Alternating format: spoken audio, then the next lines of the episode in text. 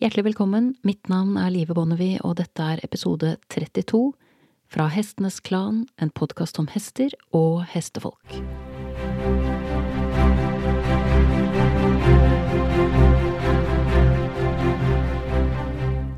Jeg starter denne episoden med en liten advarsel.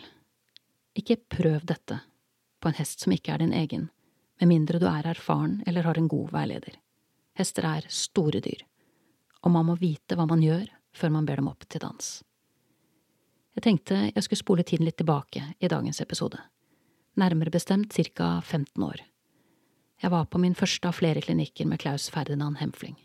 Den ble arrangert på Hamar, og jeg hadde hatt ham i kikkerten en stund sett alle videoene han hadde publisert, lest boken hans Danser med hester, men jeg ønsket meg førstehåndserfaring. Jeg vokste opp med setningen Bilder lyver ikke, men det er lenge siden det var sant. Og videoer fra hestetrenere er sjelden skutt i sanntid, det er redigert på ulike måter og presenterer bare en bit av et større bilde, og jeg ville se mer. Helheten, det som skjedde mellom klippene. Klinikken med Klaus på Hamar ble en veldig interessant erfaring og den opplevdes frigjørende på et vis.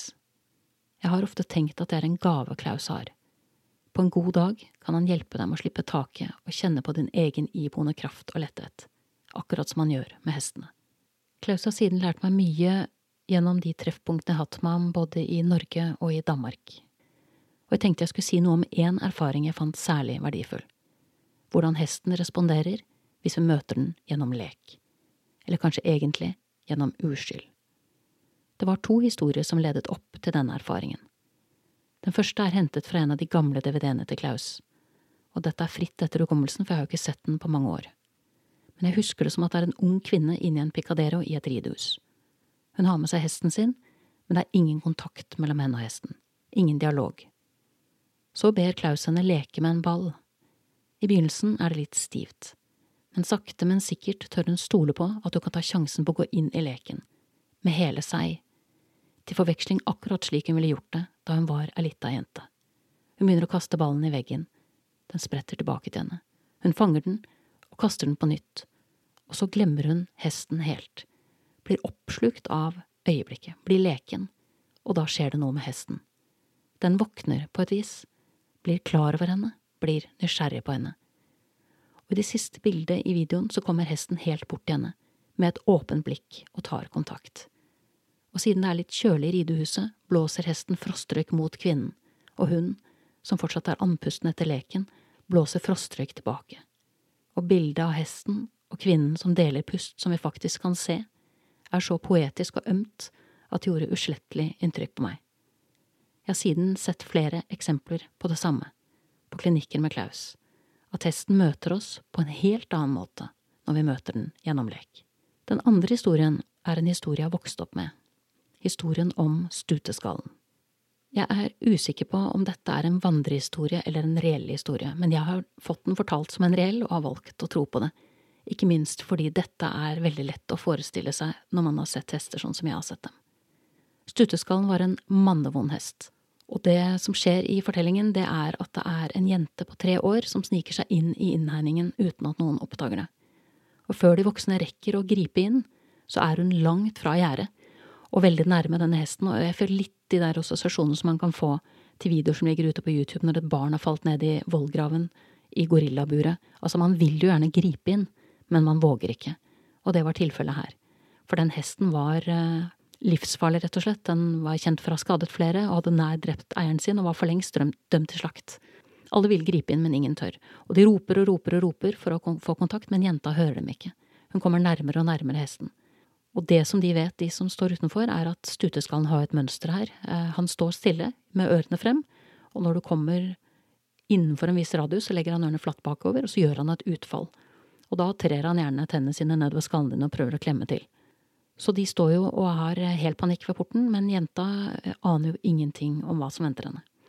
Så hun går helt bort til eh, stuteskallen, og han gjør som han pleier, han står og stirrer, men han gjør ikke noe utfall. Ikke før hun står like foran ham og det utfallet han gjør da, er jo noe helt annet enn det folk forventer.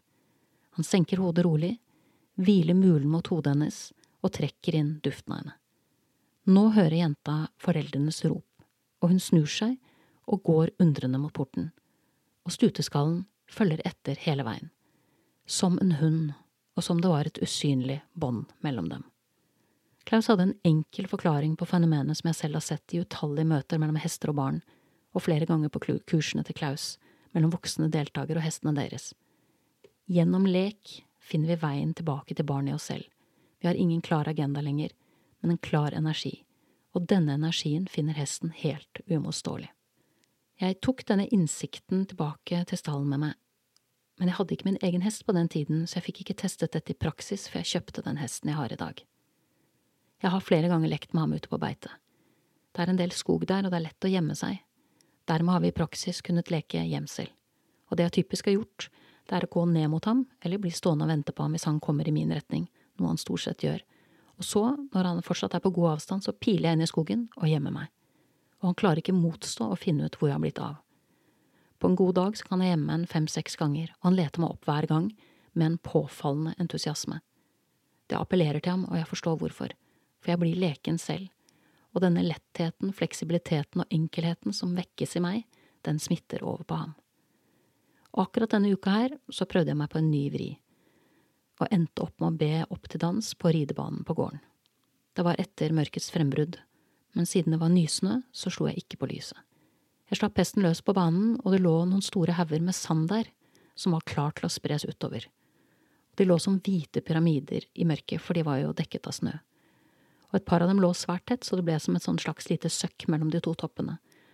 Haugene var flere meter brede og en drøy meter høye. Da jeg slapp hesten, så ruslet han av gårde, og jeg lot han gå og snuse litt i den andre enden av banen. Så tok jeg sats og pilte bort til den ene snødekkede haugen med sand. Hesten min fikk med seg alt og ble nysgjerrig på hva jeg drev med. Han kom skrittene etter. Men da han forsøkte å gå helt bort til meg, ved å gå rundt den hvite haugen, så pilte jeg over til den andre siden.